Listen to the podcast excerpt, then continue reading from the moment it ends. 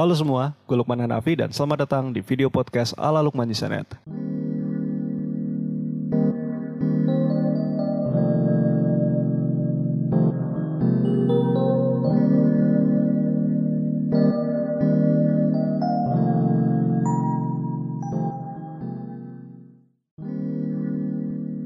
podcast ini gue bakal ngebahas segala hal yang ramai diperbincangkan di media sosial dan sesuatu hal yang mungkin menarik untuk gue bahas gitu. Yang pastinya bahasan-bahasan tersebut tidak jauh dari dunia pertelevisian, dunia industri kreatif, dunia pendidikan, dan sejenisnya.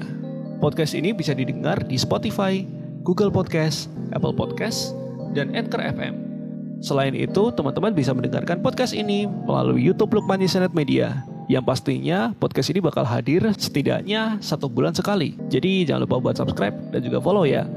Oke, tanpa berlama-lama, langsung saja. Selamat mendengarkan episode terbaru dari video podcast ala Lukman Yesenet. Let's enjoy it.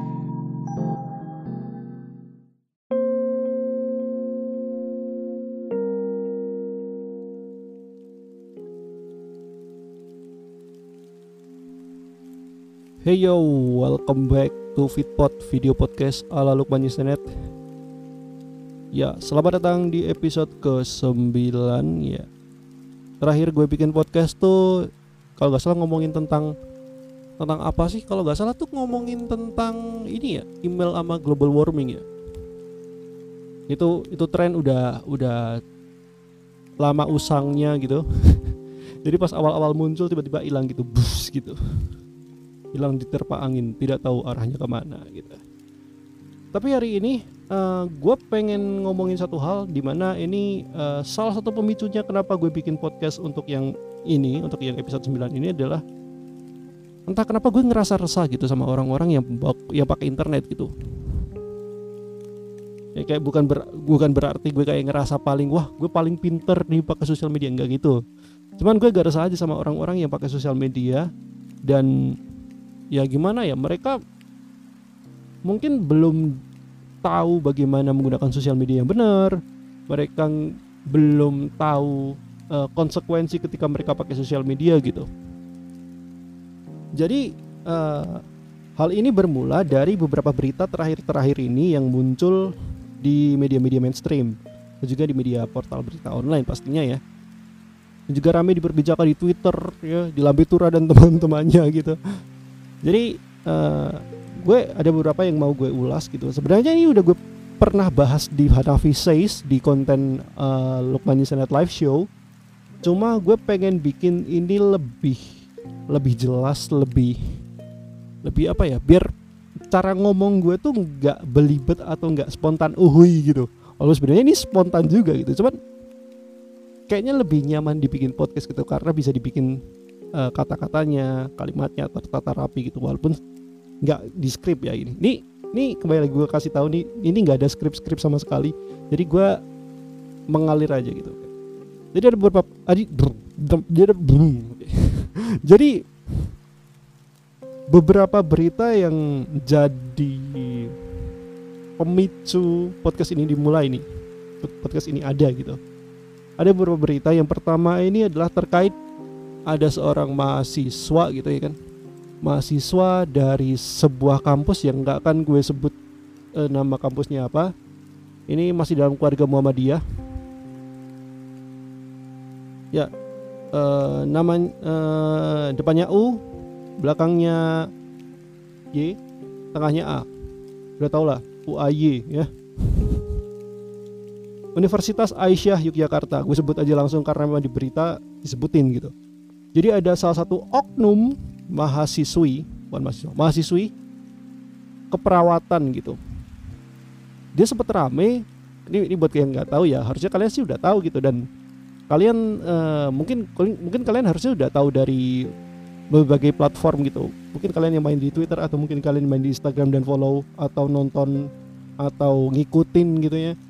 Ngikutin akunnya Alam Biturah, kalian pasti tahu tentang berita si mahasiswi ini yang bikin video TikTok yang diduga ada unsur pelecehannya. Jadi di uh, kalau lu cari videonya harusnya sih harusnya masih ada tapi mungkin uh, kalau dari kreator aslinya pasti udah dihapus ya tapi bisa biasalah netizen netizen tuh pinter banget tuh langsung di download terus di post lagi gitu di repost gitu jadi videonya itu dia menceritakan atau kayak memberikan ekspresi ketika mem uh, jadi jadi dia kan keperawatan nih. Dia tuh kayak ada praktek gitu masang kateter. Buat kalian yang nggak tahu kateter itu apa cari sendiri aja. Kateter apa kateter sih namanya? Kateter ya? Jadi si mahasiswi ini praktek masang kateter. Dan di postingan itu masang kateter ke pasien laki-laki. Dan kemudian dia bilangnya apalagi kalau ganteng gitu-gitu ya lu lu tahu sendiri lah gitu ya. Maksud lu tahu lah maksudnya maksudnya gimana gitu ya. Masang kateter ke laki-laki. Ini cewek loh cewek yang masukin kateter ke kateter ke laki-laki. Apalagi laki-lakinya ganteng gitu kan good looking gitu ya kan. Itu rame kemudian di banyak dikecam gitu. Gue nggak tahu kalau di, di TikTok gimana tapi kalau di Twitter pasti dikecam. Btw gue udah uh, agak jarang gue main di main TikTok karena nggak ada pembahasan menarik untuk dibikin konten di TikTok jadi gue jarang banget tuh buka TikTok gitu. Jadi gue kalau dapat informasi atau dapat apa pun gitu gue dapatnya dari Twitter gitu. Nah gue lanjutin lagi. Kemudian uh, setelah itu rame pihak dari Universitas Aisyah Yogyakarta memberikan klarifikasi atau memberikan semacam apa sih namanya? Ya klarifikasi dan permintaan maaf pastinya ya klarifikasi dan juga permintaan maaf kepada rumah sakit di mana si mahasiswi ini praktek. Dan juga katanya adalah uh, kata kata dari uh, pihak dari kampus dari kampus itu uh, memberikan hukuman atau memberikan setidaknya punishment gitu untuk mahasiswi mahasiswi ini dan ya cuma kayak gitu doang gitu itu itu salah uh, itu baru satu ya ini gue rangkum ada tiga. Sebenarnya banyak banget tapi gue gue pilih ada tiga nih. Yang pertama tentang si mahasiswa ini. Kemudian berita kedua ini terkait ada seorang perawat oknum perawat ya. Gue pakai kata oknum karena ya biar kalian tahu sendiri lah gitu ya. Gue bilang oknum perawat. Nah jadi si oknum perawat ini dari sebuah rumah sakit di rumah sakit ibu anak atau apa ya gue lupa tuh. Kalau misalkan kalian pengen dapat tahu informasinya informasi lengkapnya lu bisa langsung cek YouTube gue aja di uh, live show episode ke-6 atau ke-5 gue lupa.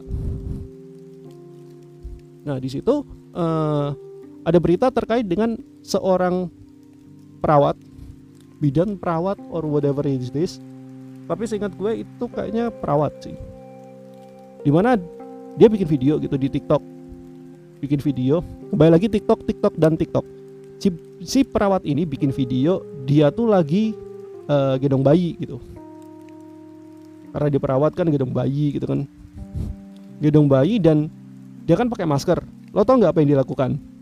Pipi bayi ditempelin di masker yang dia pakai. Btw itu udah salah banget ya.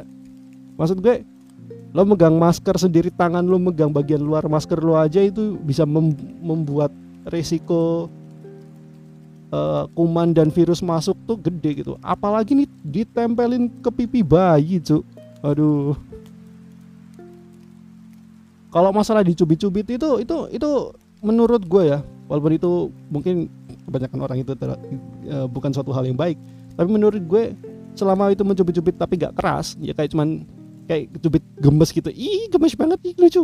For me ya buat gue sih ya ya biasa aja gitu. Cuman kalau yang ini yang bagian yang mungkin ini dijadiin permasalahan nih yang jadi permasalahan sama netizen yaitu adalah di mana si bidan ini atau si oknum perawat ini nempelin masker ke pipi bayinya. Nempelin masker bagian luarnya ya bagian uh, bagian luar maskernya ke pipi si bayi.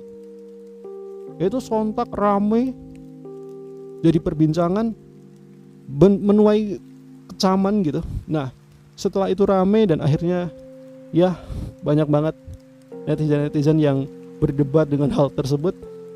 Kemudian pihak dari rumah sakit di mana si oknum tersebut bekerja gitu memberikan klarifikasi bahwa uh, uh, sebenarnya ini ini salah satu yang mungkin ini agak membingungkan bagi gue bahwa si oknum perawat tersebut ternyata bukan perawat bukan bukan perawat dan uh, bukan perawat resmi yang ada di ada di rumah sakit itu.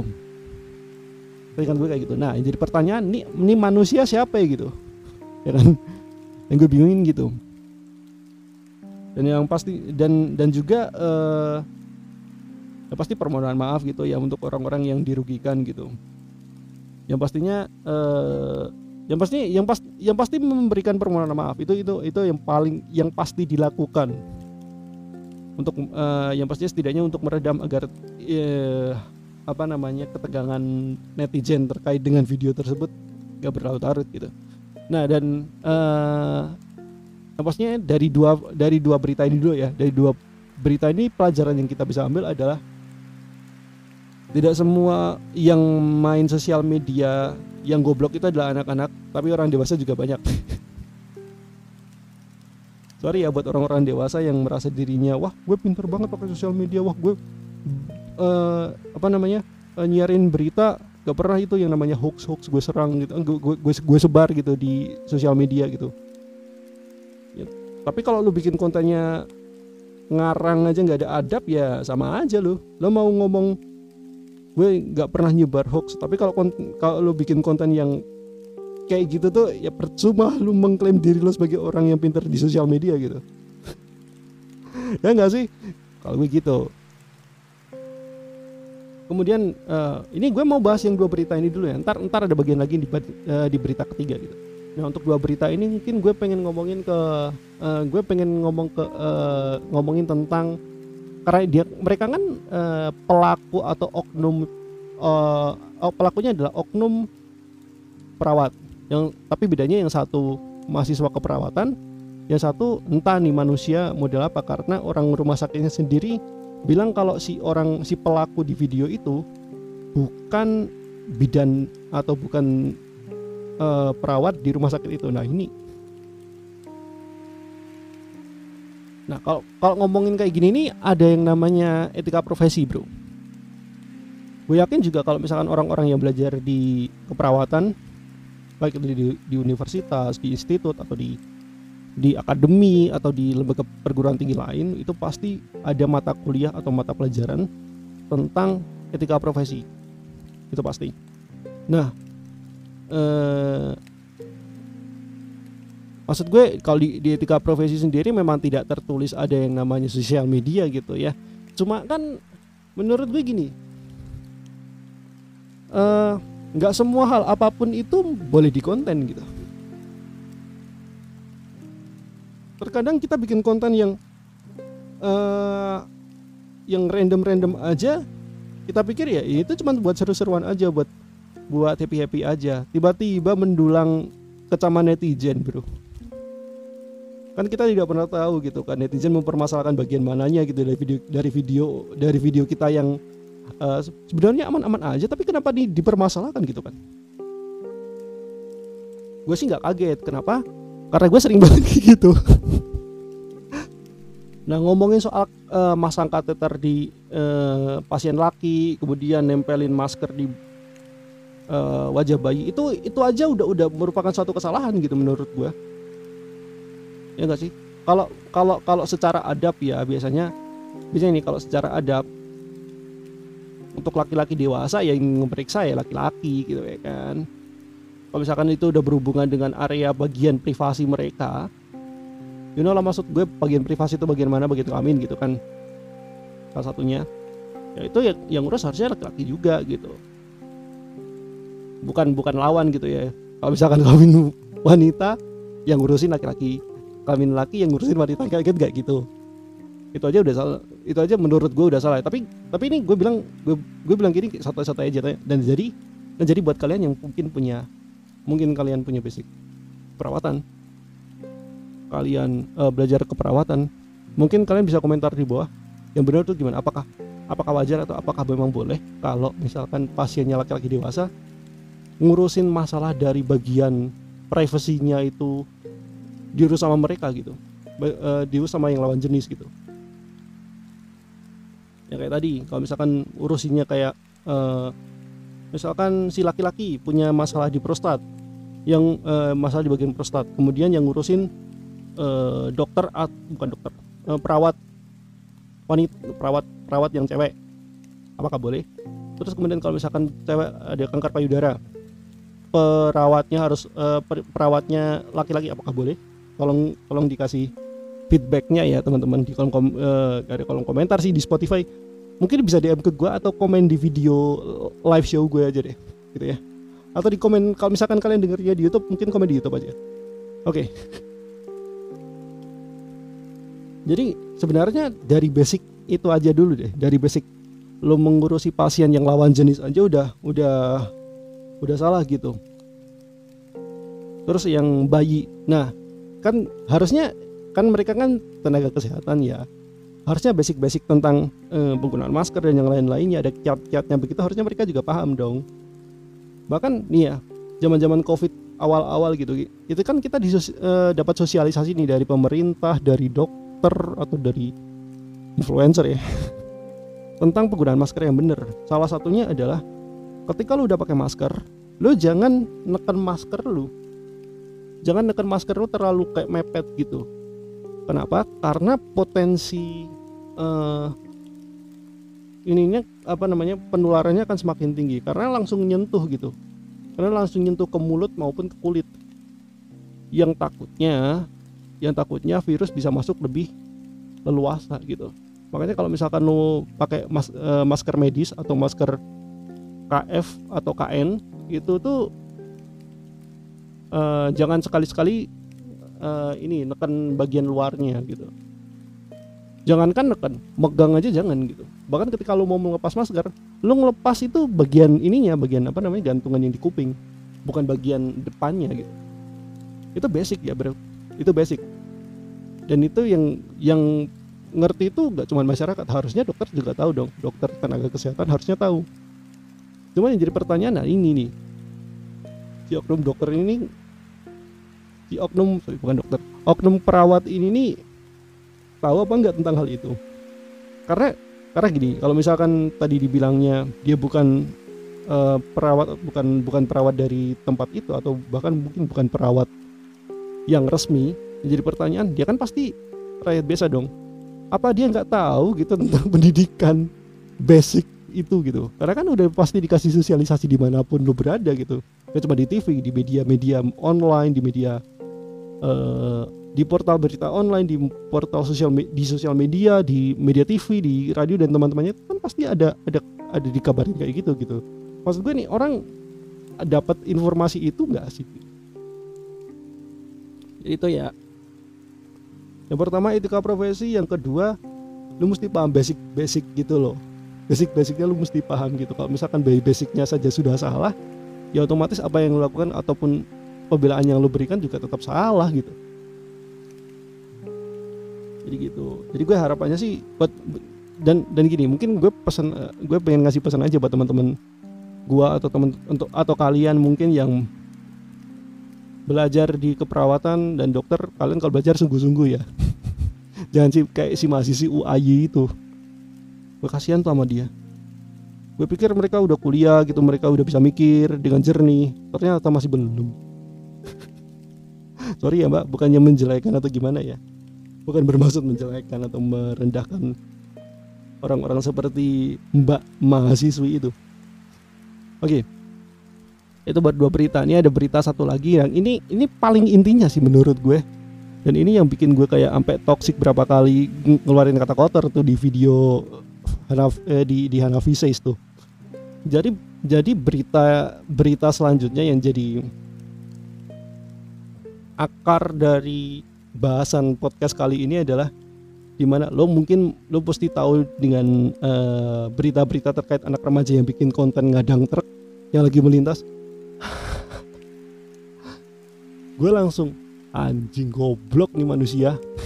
Gue langsung langsung ini bocah-bocah nih ngapain? Gitu. Kadang-kadang ya gini ya ketika ketika ketika informasi itu dapat eh, kadang-kadang gini inform ketika informasi itu diberitakan di media baik di media online maupun di media mainstream gue tuh ngerasa kayak nggak pernah sama sekali ngerasa kasihan sama tuh bocah gitu bocah-bocah yang jadi uh, korban dari bik, dengan alasan bikin konten itu ngadang truk dan yang lain-lainnya. Maksud gue lu, lu lu melakukan sesuatu yang harusnya sih lu tahu resikonya ya. Cuman lu tetap lakuin gitu. Lu udah tahu resikonya gede lu tetap lakuin gitu. Lu merasa bahwa gua ngikutin ini walaupun ini beresiko nyawa gue akan hilang tapi gue yakin gue akan selamat. Pas pas hari H eksekusi jebret mati konyol. Nah ini buat anak-anak ini buat anak-anak remaja ya SMP SMA atau apa pun begitu ketika gue gue nggak bisa mengkotakan bahwa ini dari apa namanya ini ini semua gara-gara TikTok ini semua gara-gara IG Reel semua gara-gara Twitter semua gara-gara Facebook dan lain-lainnya. Gue gak, gak, eh, gak bisa yang namanya mengkotak-kotakan sosial media itu jelek gak hanya gara-gara seperti itu. Karena menurut gue sosial media itu cuman cuman alat tools yang bikin itu jelek atau enggaknya itu adalah orang-orang yang pakai tools itu. Nah konon orang-orang pada sebel sama sama TikTok. Karena pelaku-pelaku atau user-usernya TikTok kadang-kadang kalau kalau pakai si sosial media ini itu tuh mereka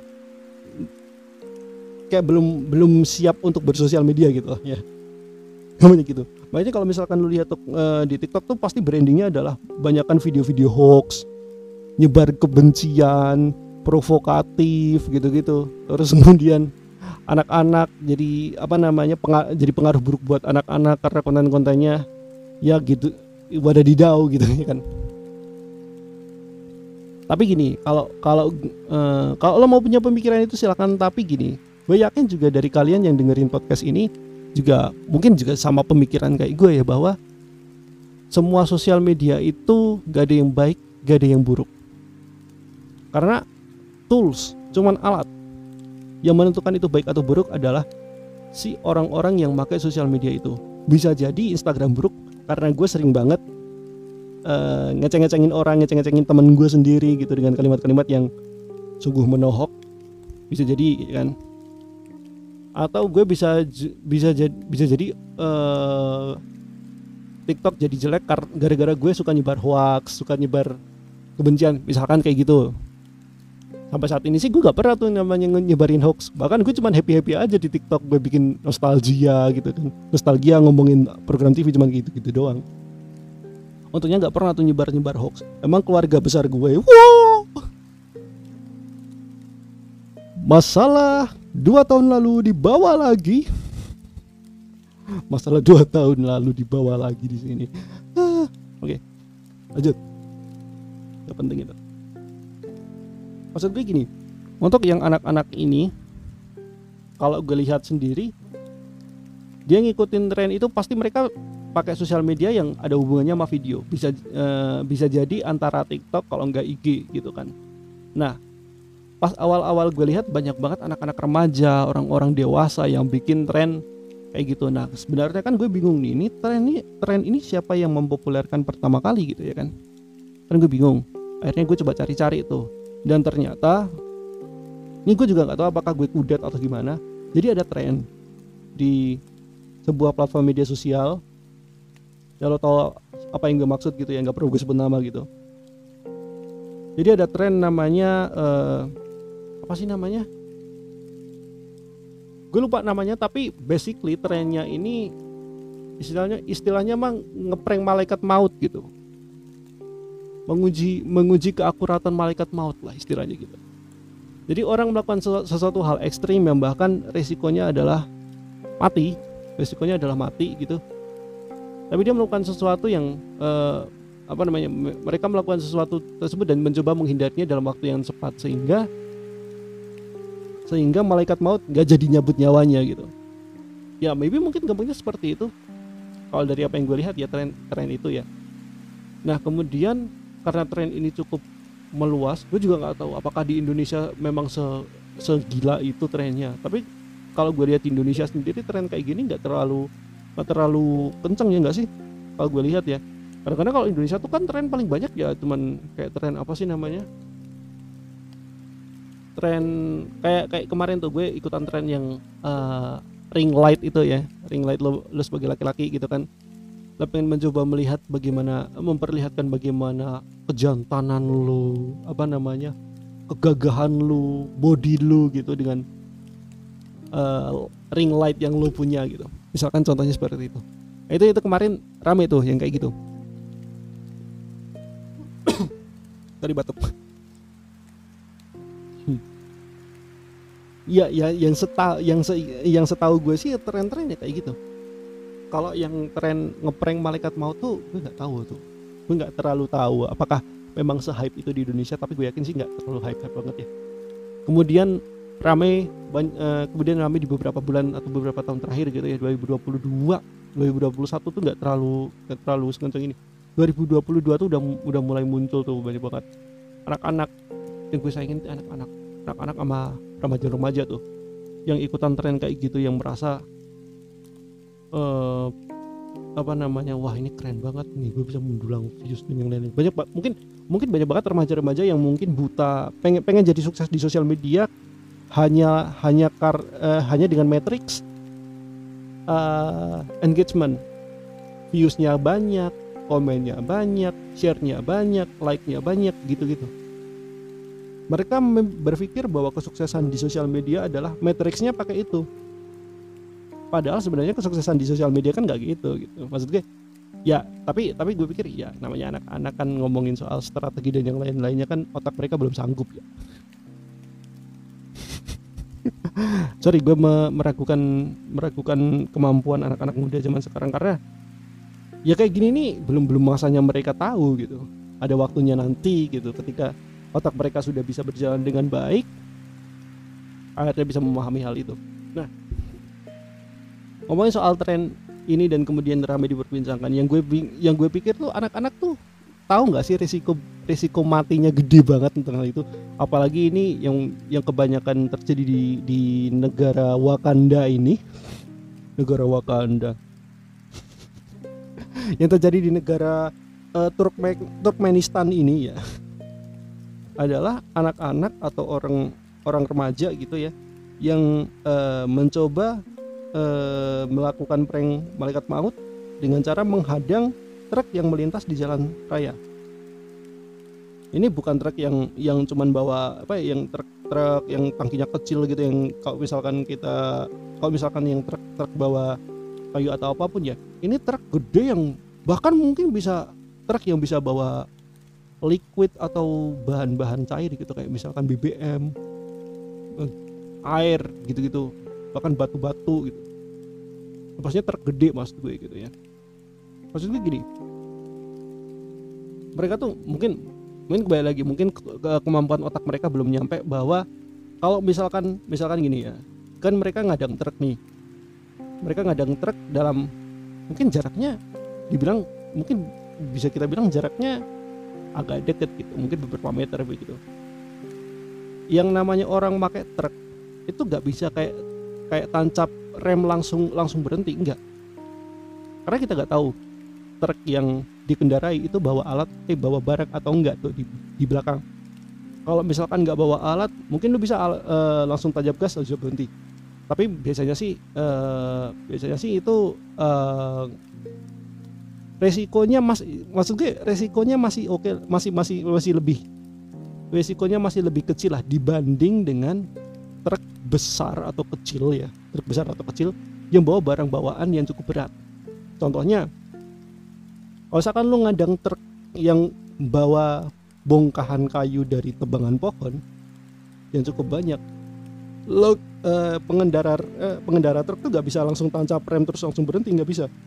Karena kalau misalkan mereka tancap rem tancap rem langsung dengan trung gitu kan yang kencang itu tuh bagian belakang bagian belakang atau barang yang mereka bawa atau tang, uh, barang-barang yang dibawa di di bak belakang itu bisa kedorong ke depan sehingga malah bukannya berhenti malah bisa nambah cepat dung gitu. Jadi nambah cepat gitu langsung kayak kaget gitu. Nah itu malah berisiko ke si uh, orang yang ngadang sama si pengendaranya. ya ya gimana ya? Mungkin mungkin anak-anak atau remaja-remaja ini mungkin nalar nalarnya belum belum belum sampai ke situ ya. Makanya mereka mencoba membuat hal tersebut gitu. Nah uh, beda lagi kalau misalkan lu ngadangnya mobil gitu. Kalau ngadangnya mobil lu masih bisa lompat gitu. Dan lu lu nabrak bagian uh, mungkin lu ketabrak uh, nggak di bagian depannya yang seng itu yang yang besi itu.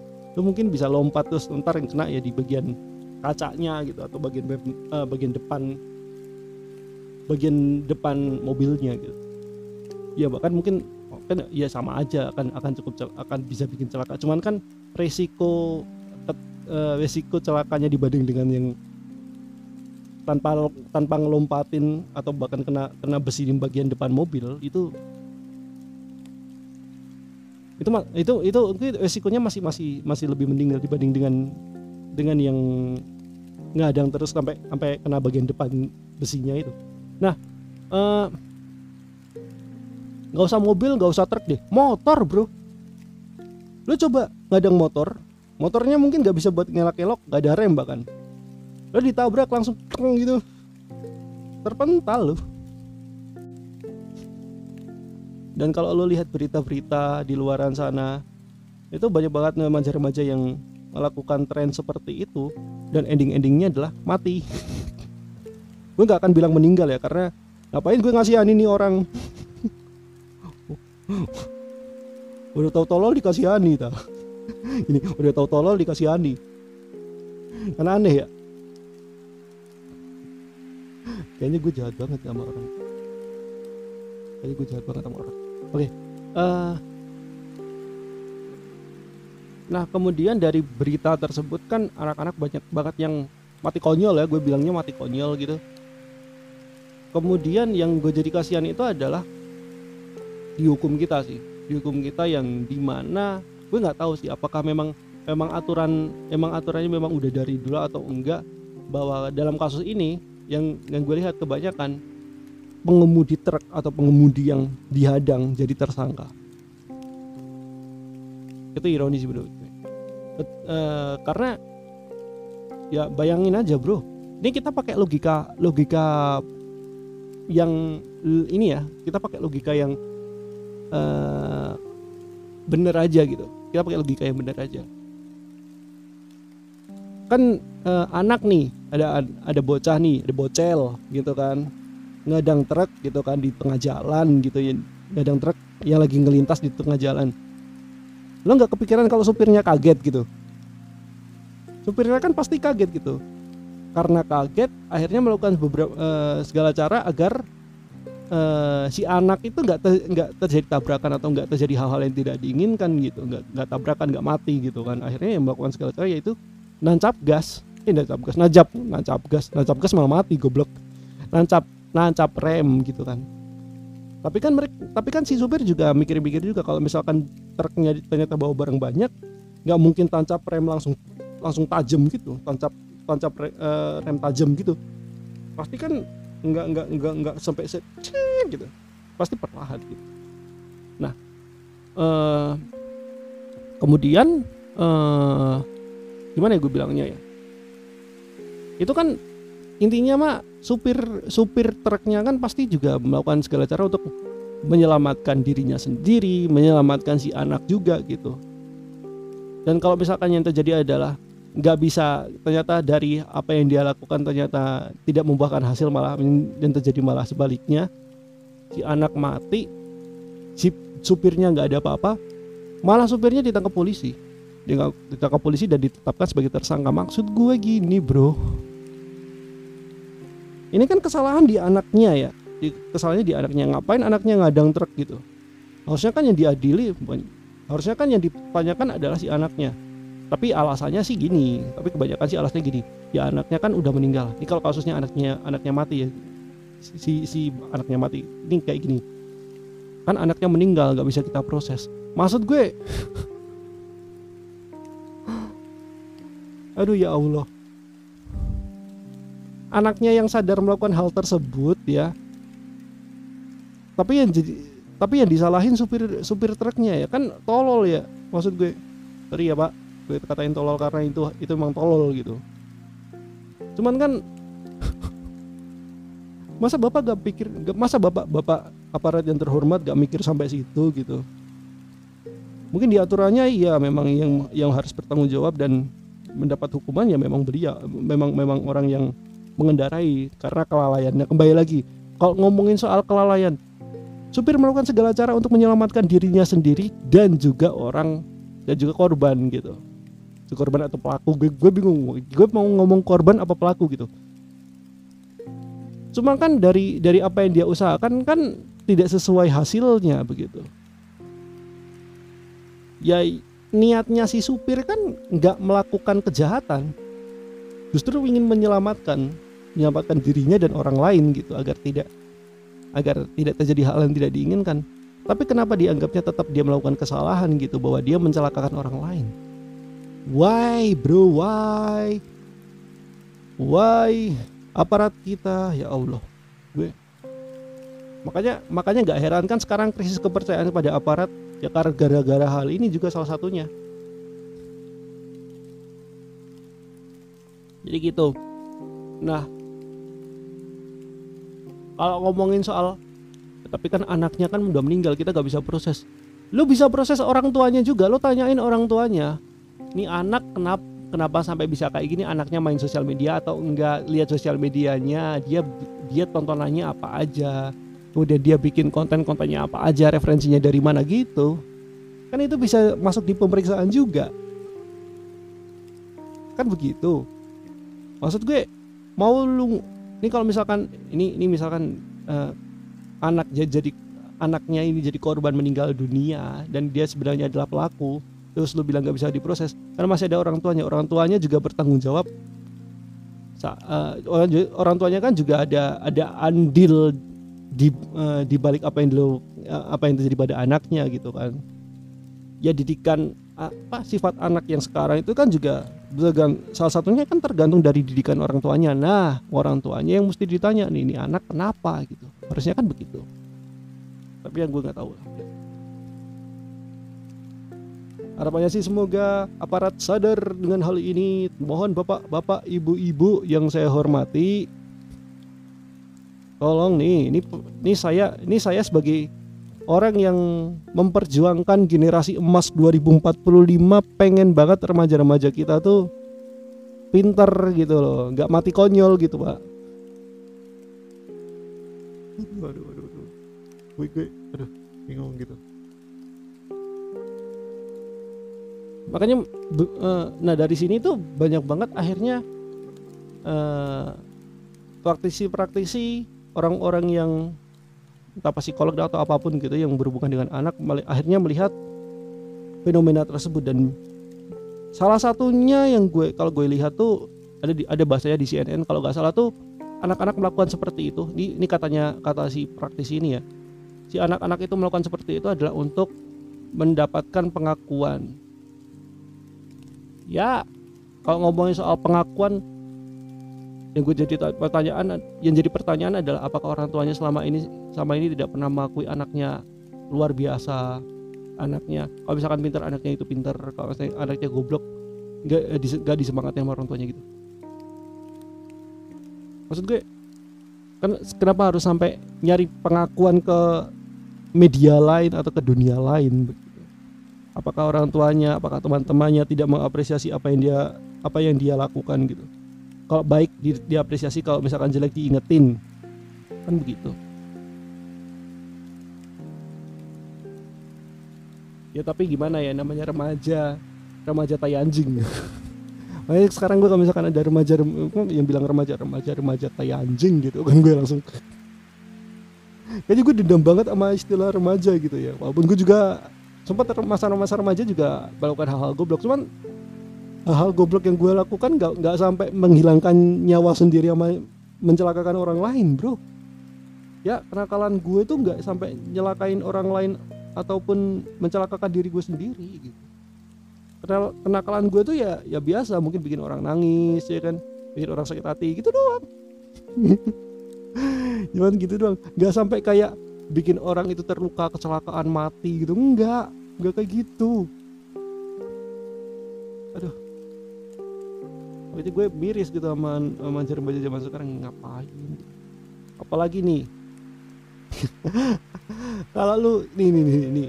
kalau misalkan lu ngikutin gue di Instagram gue tuh sering banget kalau uh, selama mungkin dua minggu terakhir ya gue tuh kalau misalkan nemu pos-pos ngomongin tentang anak muda gitu ngomongin pos-pos yang ngomongin tentang anak muda uh, tentang remaja gitu yang melakukan sesuatu hal yang konyol gitu dan akhirnya berakhir mati konyol gue langsung ngomong ini kayaknya nih anak nih kayaknya termasuk dari 30% remaja anak-anak Indonesia yang stunting kayaknya nih.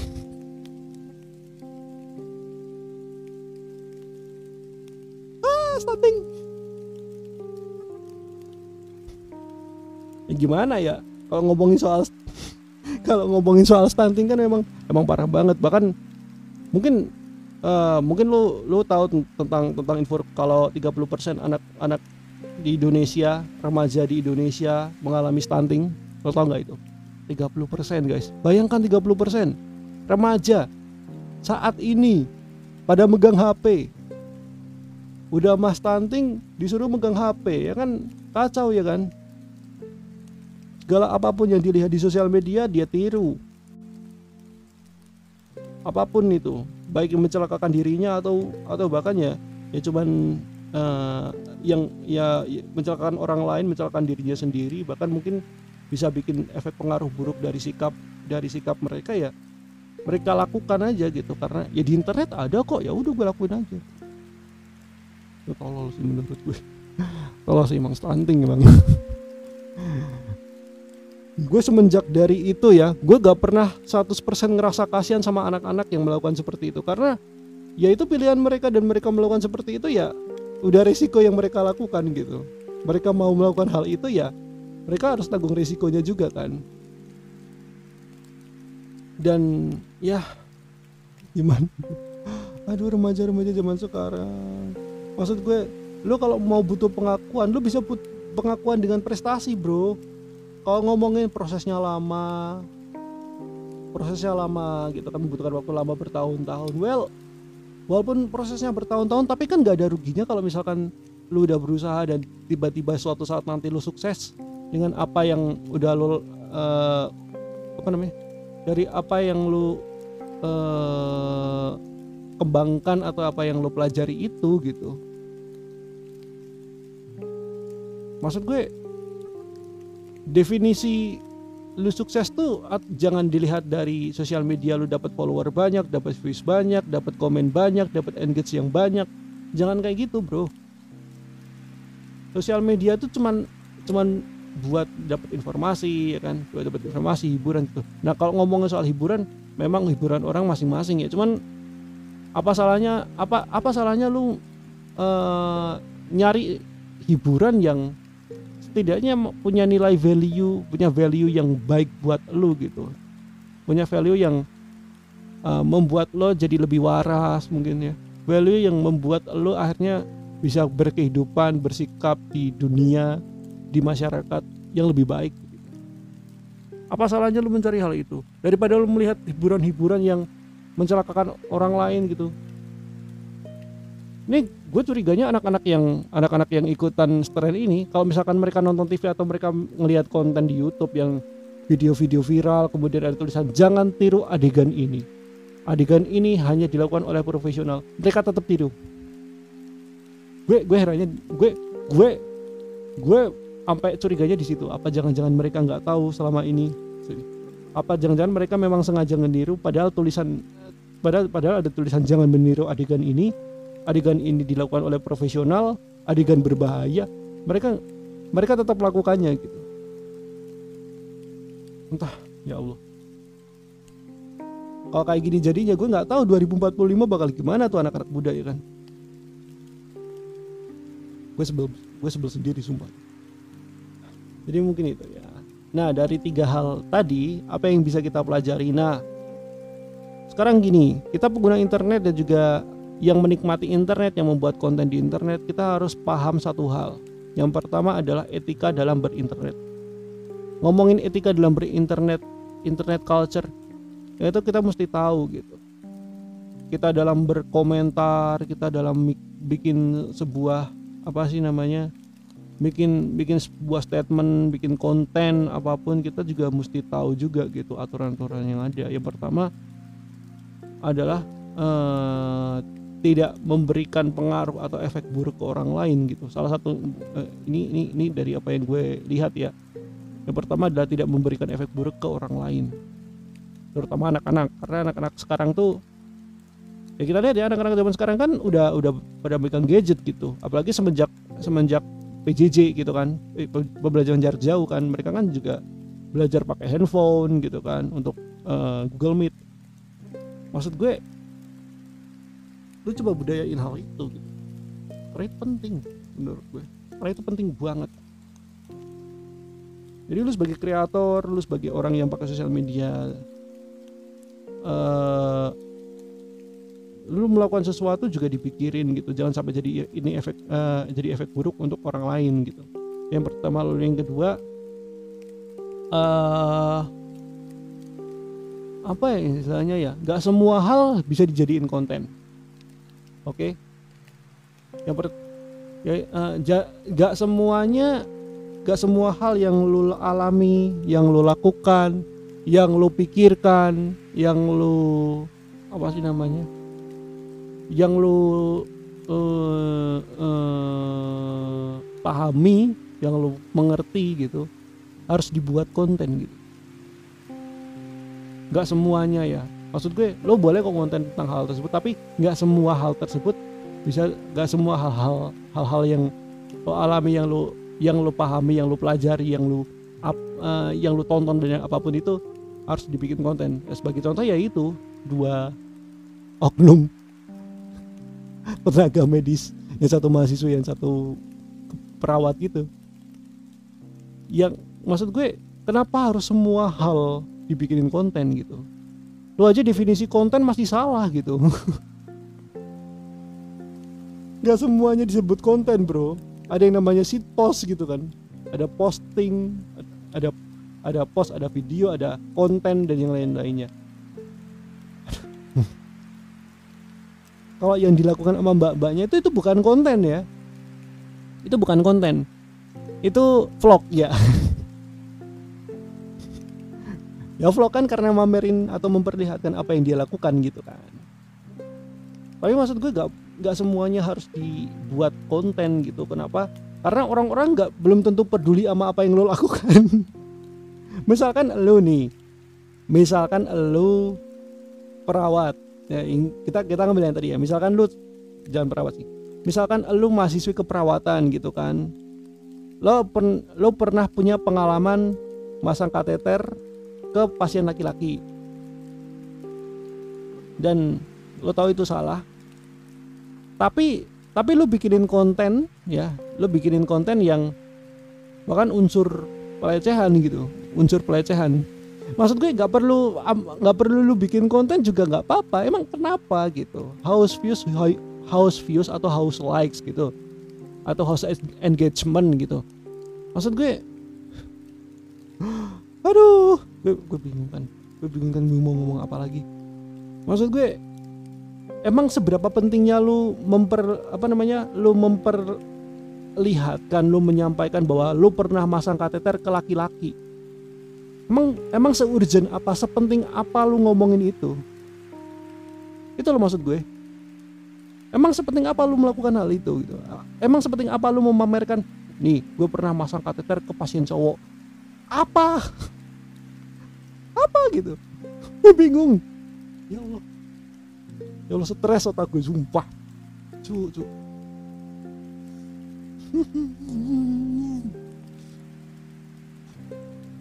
terus lagi yang uh, perawat tuh lagi yang perawat nempelin masker ke pipi bayinya ke, ke pipi bayi gitu bukan bayinya ya bayi bayi orang lain gitu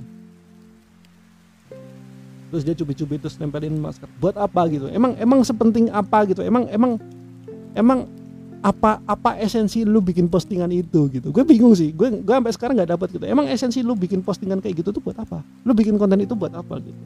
Lu bikin video itu buat apa? Apalagi ini yang tabrak yang yang ngadang truk ini. Esensinya apa? Esensinya apa? Lo pengen jadi kayak kayak kayak diakui gitu. Nih gua nih yang bisa ngeprank malaikat Israel. Kan nggak gitu lo malaikat lu lu prank-prank lo. Lo kalau mati beneran gitu kan belum waktunya lu mati tapi lu udah dicabut nyawanya langsung mati lo. Ukurin gitu gue. Lo masih ada giliran untuk hidup sampai umur 80 tahun tapi ketika lo bikin bikin konten ngadang truk gitu tiba-tiba tiba-tiba yang lu mindset lu bakal hidup sampai umur 80 tahun tiba-tiba dicabut langsung nyawa lo lu langsung dicabut nyawanya sama malaikat Israel gara-gara lu ketabrak truk. Syukur lu. Maksud gue emang emang emang emang esensinya apa gitu? Apa kalau akan menjadi tangguh lu akan menjadi remaja terkuat atau bagaimana? Kalau ngomong ngomongin remaja terkuat lu latihan olahraga deh. Lu latihan tinju latihan muay thai gitu kan. Lu latihan taekwondo pejak silat gitu ya kan. Siapa tahu lu jadi atlet. Kalau lu jadi atlet dan menang lu remaja terkuat bro itu baru benar remaja terkuat. Bukan ngehadang ter lu bukan remaja terkuat lu. Lu remaja tertolol menurut gue ah, toxic terus Lukman. Ya gimana gue saking saking keselnya gitu gue ada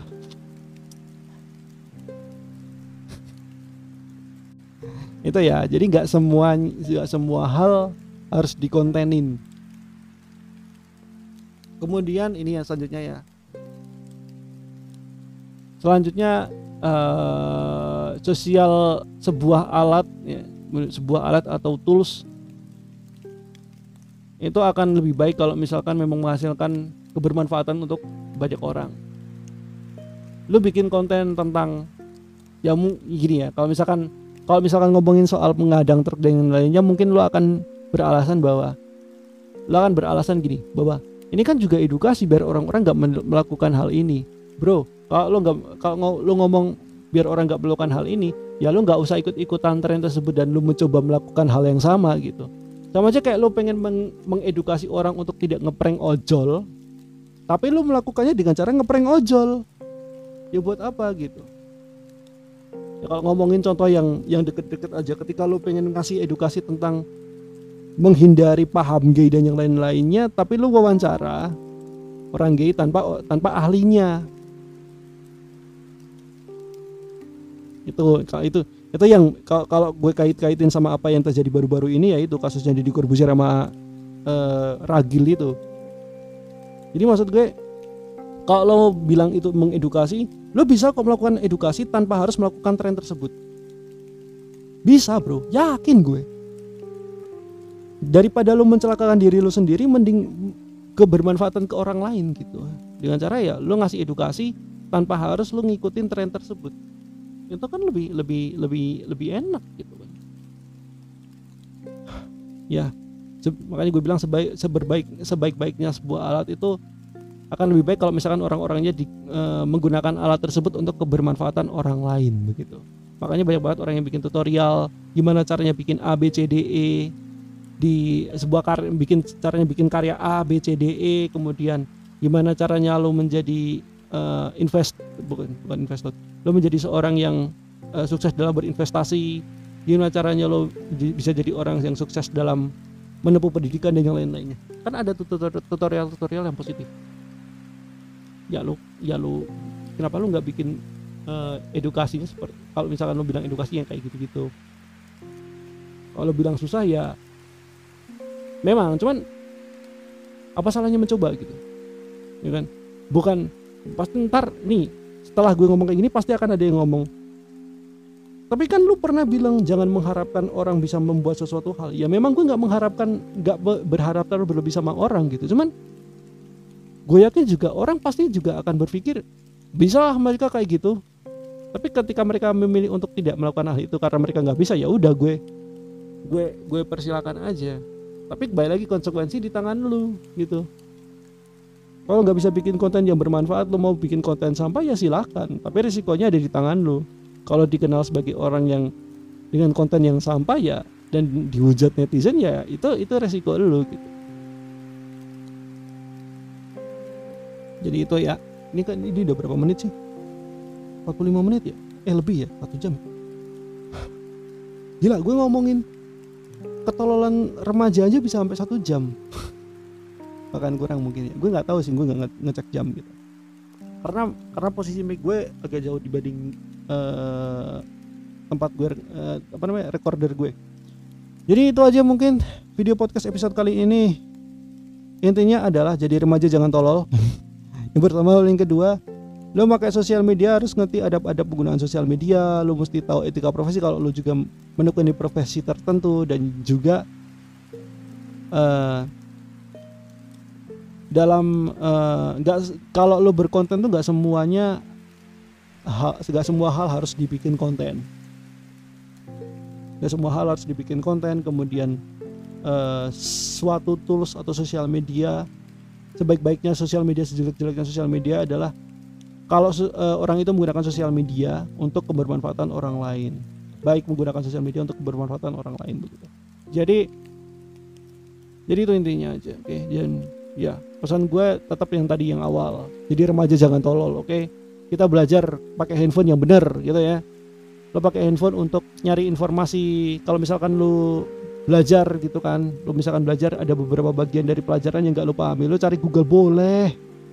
Boleh lu cari Google informasi apa namanya pelajaran-pelajaran kayak gitu tuh kalau misalkan lu cari Google banyak. Ada Brandly ya kan? Ada Brandly ada Quora ada eh, bahkan ada ada sit bahkan ada situs dari lembaga penerbit buku gitu yang ngomongin tentang pelajaran A B C D E gitu kan. Lo bisa cari di situ gitu. Google tuh banyak manfaatnya kenapa eh, lo bisa gunakan dengan hal yang baik gitu. Gua aja kalau misalkan gue gue ada beberapa pelajaran yang beberapa pelajaran misalkan contoh sejarah yang gak gue ketahui dan di buku nggak ada ya gue cari di Google. Ya pastinya nyari dengan sumber yang jelas ya. Ya udah cuma gitu doang dan gampang. Ayo kita sama-sama remaja-remaja di Indonesia. Katanya mau Indonesia sukses 100 tahun Indonesia merdeka generasi emas 2004 generasi emas 2045 kalau remajanya tolol jangan mengharapkan 100 tahun Indonesia dengan generasi mudanya akan akan benar tercapai gitu. Jadi kita sama-sama berubah ya, sikap kita berubah, cara kita ber, berlaku juga berubah gitu ya. Menuju yang lebih baik pasti berubah menuju yang lebih baik. Demi keberlangsungan negeri ini ke depannya ketika giliran kita yang ngurus ini negeri gitu. Jadi gitu ya. Jadi gitu aja, thank you banget kalian udah dengerin dari awal sampai akhir. Entah ini akan ada yang dipotong atau tidak. Semoga semoga ada yang bisa dipotong. Jadi jadi mungkin durasinya nggak akan sepanjang ini. Terima kasih. Kita akan ketemu lagi di next podcast video podcast episode berikutnya dengan bahasan yang mungkin bisa lebih menarik. Terima kasih. Sampai jumpa di video podcast episode berikutnya. Lukman Hanafi, stay creative and stay positive thinking. Bye bye.